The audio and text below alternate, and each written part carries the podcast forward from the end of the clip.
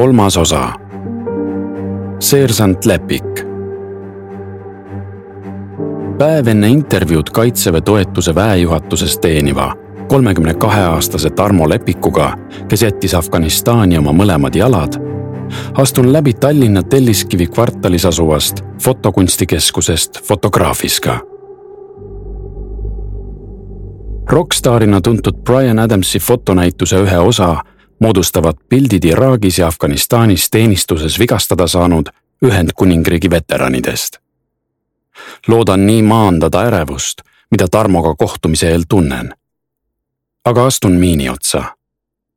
vabandan selle metafoori eest. aga need mustvalged, ülisuured, jäiselt teravad fotod on tasakaalutuseni viivalt järsk vaatamine. kapral Martin Compton läks Afganistani missioonile neli kuud pärast seda, kui oli tutvunud oma tulevase naisega.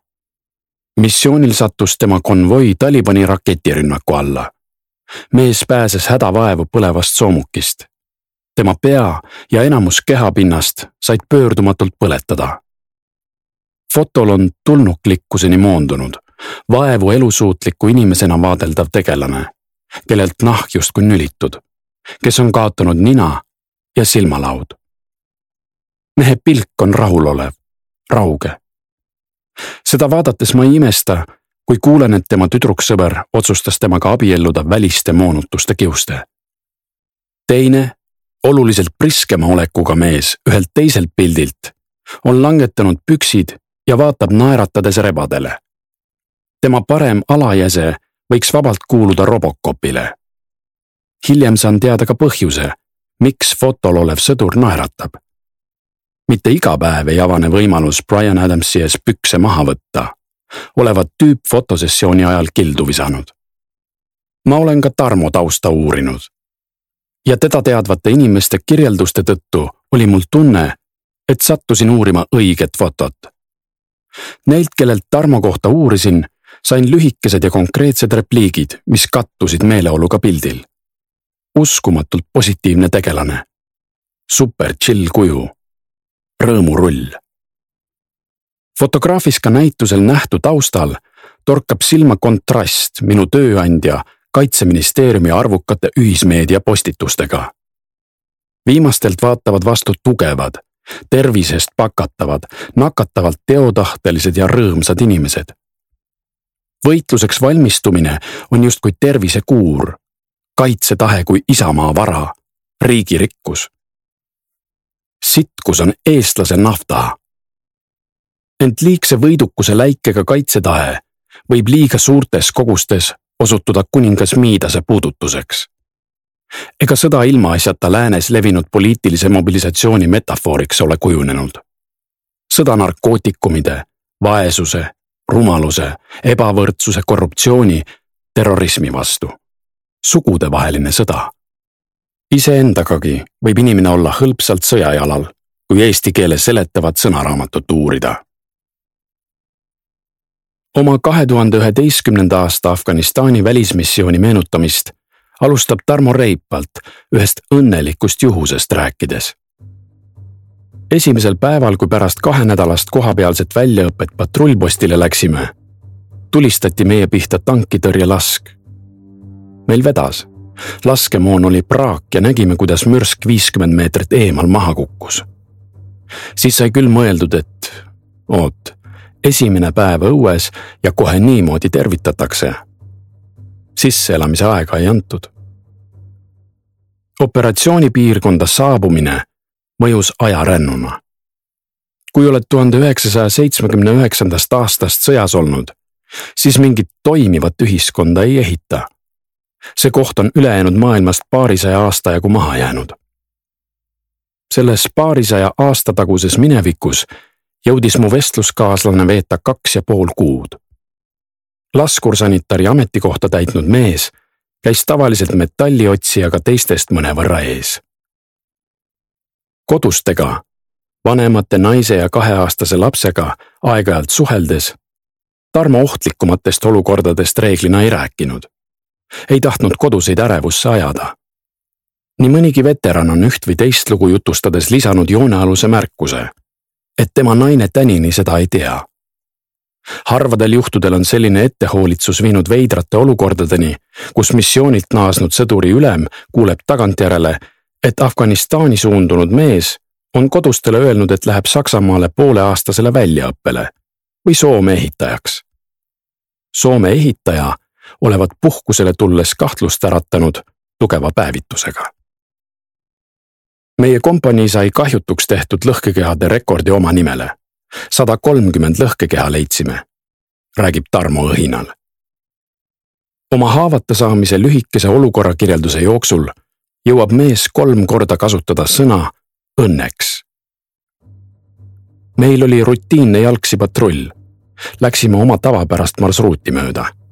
Pöörasime kõrvaltänavasse, mis viis tagasi kontrollpunkti. kui plahvatus toimus, oli kontrollpunkti väravat näha. kolmsada meetrit oli jäänud, kui astusin isevalmistatud lõhkekehale näha seda polnud võimalik, peenike tolm tänaval oli saapasääre kõrgune tervet patrulli radariga käia ka ei jõua, see on füüsiliselt koormav. sain ilgelt kõrge õhulennu. maas oli meeter korda meeter auk. Nägin kohe, et mul kumbagi jalga enam pole. tookord oli õnneks rühma parameedik meiega, kellel olid vahendid kaasas. see oli tugev pluss. tema tuli õnneks kohe minu juurde ja hakkas esmaabi andma kui muidu protseduurid näevad ette, et tuleb hakata haavatuni teed puhastama, siis tema võttis maastikul vastu otsuse, et peab kiiremini tegutsema. Kui tavaliselt IED plahvatusele järgneb käsitulirelvade kontakt, siis antud momendil seda õnneks ei olnud. see andis võimaluse paremini tegutseda. Polnud segavaid faktoreid. škutid peale, morfiin sisse, samal ajal telliti kopter, et mind Camp Bastionisse toimetada kummaline oli, et ma suutsin üleval olla terve selle aja, kuni kopter saabus. nii kui kopterisse jõudsin, viidi kunstlikusse koomasse. Järgmine mälestus on Tarmol kümme päeva hilisemast ajast, mil ta ärkas Ühendkuningriigis Birminghami sõjaväehaiglas. esimesed kaks nädalat oli jõud kadunud. millimeetri kaupa pidin end liigutama kogu protsess haiglast taastusravikeskusesse viimiseni läks mul kaks korda rutem kui teistel. haigla ees seisnud Briti sõjaväearstid imestasid ja kiitsid tahtejõudu, kui nägid mind pärast lühikest voodis oldud aega juba väljas istumas. sel hetkel meenub mulle film Forest Gump. aga esmalt mitte seoses nimitegelasega, vaid tema sõbra leitnant Dan Tayloriga, kes Vietnami sõjas mõlemad jalad kaotab ja kelle elu lihtsameelne Forest lahingus päästab. Gary Sinisi kehastatud Dan teeb filmis läbi meeldesööbiva posttraumaatilise odüsseia. Mees, kelle esivanemad olid sõdinud kõikides Ameerika sõdades, süüdistab hilisemas emotsionaalses haiglastseenis Forestit, et see on tema elu päästes jätnud ta ilma Taylorite perekonna meesliini pärisosast. mu saatus oli surra kangelasena lahinguväljal sa petsid selle saatuse mult välja. karjub vihane Dan, kes oma kolmandiku võrra lühenenud kehaga veel aastaid lepitust otsib. Leitnant Dani loo moraal on, et sõjas läheb vaja kahte sorti vaprust. vaprust tule all ja vaprust haiglavoodis. leitnant Danil jäi viimasest puudu. seersant Lepikul leidus mõlemat mitmed sõjalisel missioonil käinud eestlased, kellelt olen uurinud, kui palju nad mõtlesid haavata või surma saamise peale, tunnistasid, et surmale osati sõtta minnes mõelda ja sellest ka räägiti missioonieelse ettevalmistuse käigus. aga jäseme kaotamise, sandistumise teemat välditi. see oli otsekui tabu. sandistunud kriminaale lääne kultuuriruum tunnistab mereröövlitel näib ühe jala või silma puudumine olevat pigem auasi. leitnant Dan, kes kõige muu hulgas kehastab ka läänelikku arusaama matšalikust härrasmehelikkusest, põeb aga rängalt oma ebatäielikkusega kaasneva väärikuse kao pärast. anarhistlik piraat mõjub meile terviklikuna ka ilma jäsemeta, sest me ei oska mõelda inimesest, kes ei loovuta osakest endast oma vabaduse eest. selle loovutuse teeb iga sõdur sümboolselt, kui annab sõdurivande. sõdurivannet andes ollakse valmis ohtu seadma just nimelt elu. Keegi ei räägi sõtta minnes jäsemete riigile loovutamise kavatsusest. ja seda vannet on eestlastest sõdurid pidanud möödunud sajandi jooksul andma mitmetele, üksteist hävitada püüdnud riikide ja režiimide juhtidele Need Afganistanis, Iraagis ja Malis missioonil käinud veteranid, kellega suhelnud olen, ei mõelnud sõjapiirkonnas eriti sellele, miks nad seal olid. see ei tõusnud missioonil olles eriti jututeemaks. Kui siis seetõttu, et vahepeal ka kodustest lehtedes Iraagi ja Afganistani sõjas osalemise mõttekuse üle kriitiliselt arutleti. viimane läks missioonil viibijatele kahtlemata korda see aga ei takistanud neid oma ülesandele keskendumast vanne on antud, sellest peetakse kinni. sõjas on sõnal teine kaal. sõnapidamisest saab elu ja surma küsimus. Forest Gumpi leitnant Dan esindab sõja seda poolt, mida sõtta minnes mõnes mõttes eitatakse ning seda sõja planeerimata tulemust ametlikes kanalites väga näidata ei soovita. selle tõe talumiseks on vaja seda tõde erakorralikustada, paigutada näitusesaali või kujutada filmis. fotograafiskas nähtud näitusepiltidest soovinud nende autor Brian Adams panna kokku kalendri. aga seda peeti kohatuks.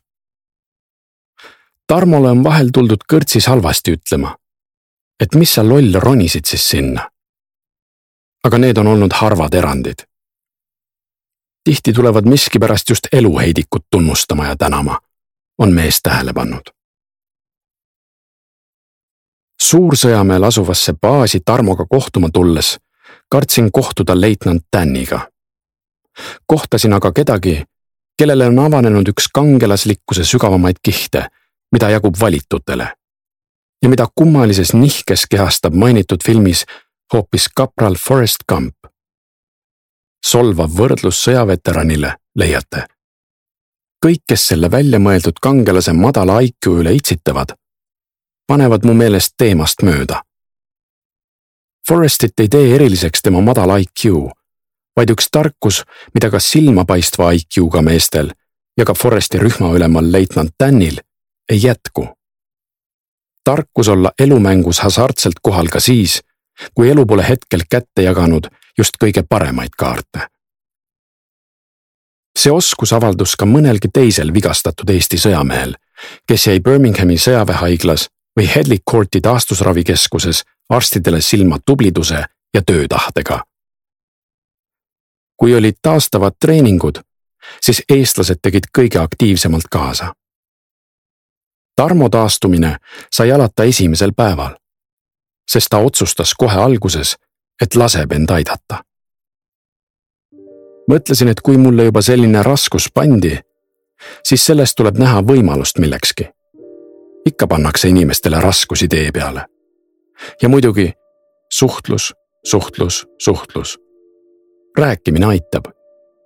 kui Facebookis haiglavoodist sõpradele kirjutasin, siis ma ei teinud järgmisele sõbrale copy paste'i eelmise sõbra kirjast, vaid kirjutasin otsast peale kõik jälle endast välja inimestelt tuli palju erinevaid küsimusi.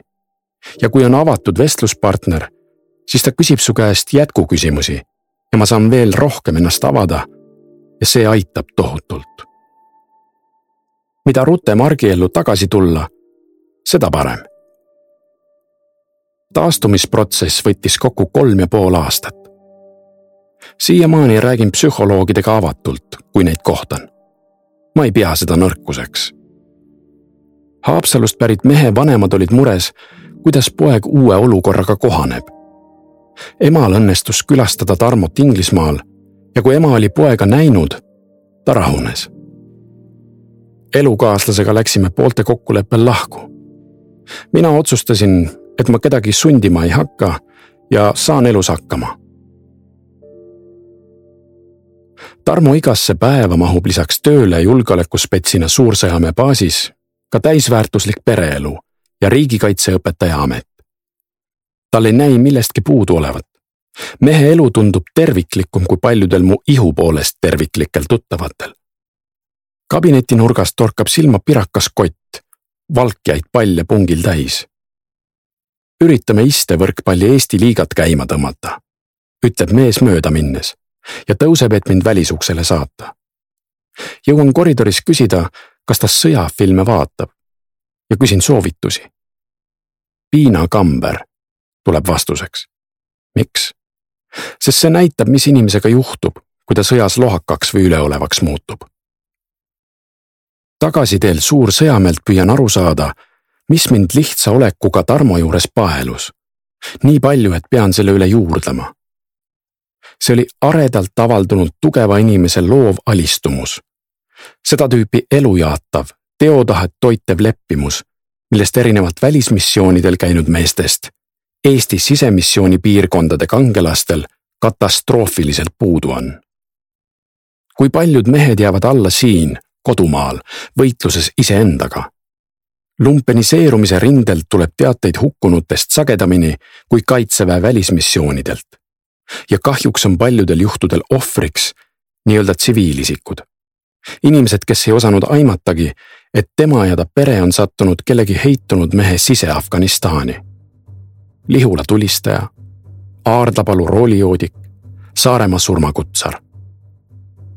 kuues aprill, Rapla.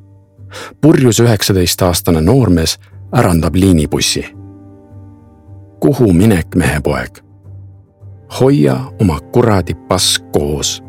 tsiteerin ingliskeelsetest sõjafilmidest pärit toorlaenu üsna sageli iseendalegi, kui olen libastunud ohvrimentaliteedist tingitud eluheitumusse üks väheseid asju, mis mind vihastab, on see, kui inimesed, kes tulevad sõjast või on tsiviilis saanud trauma, väidavad, et neil pole mitte midagi viga.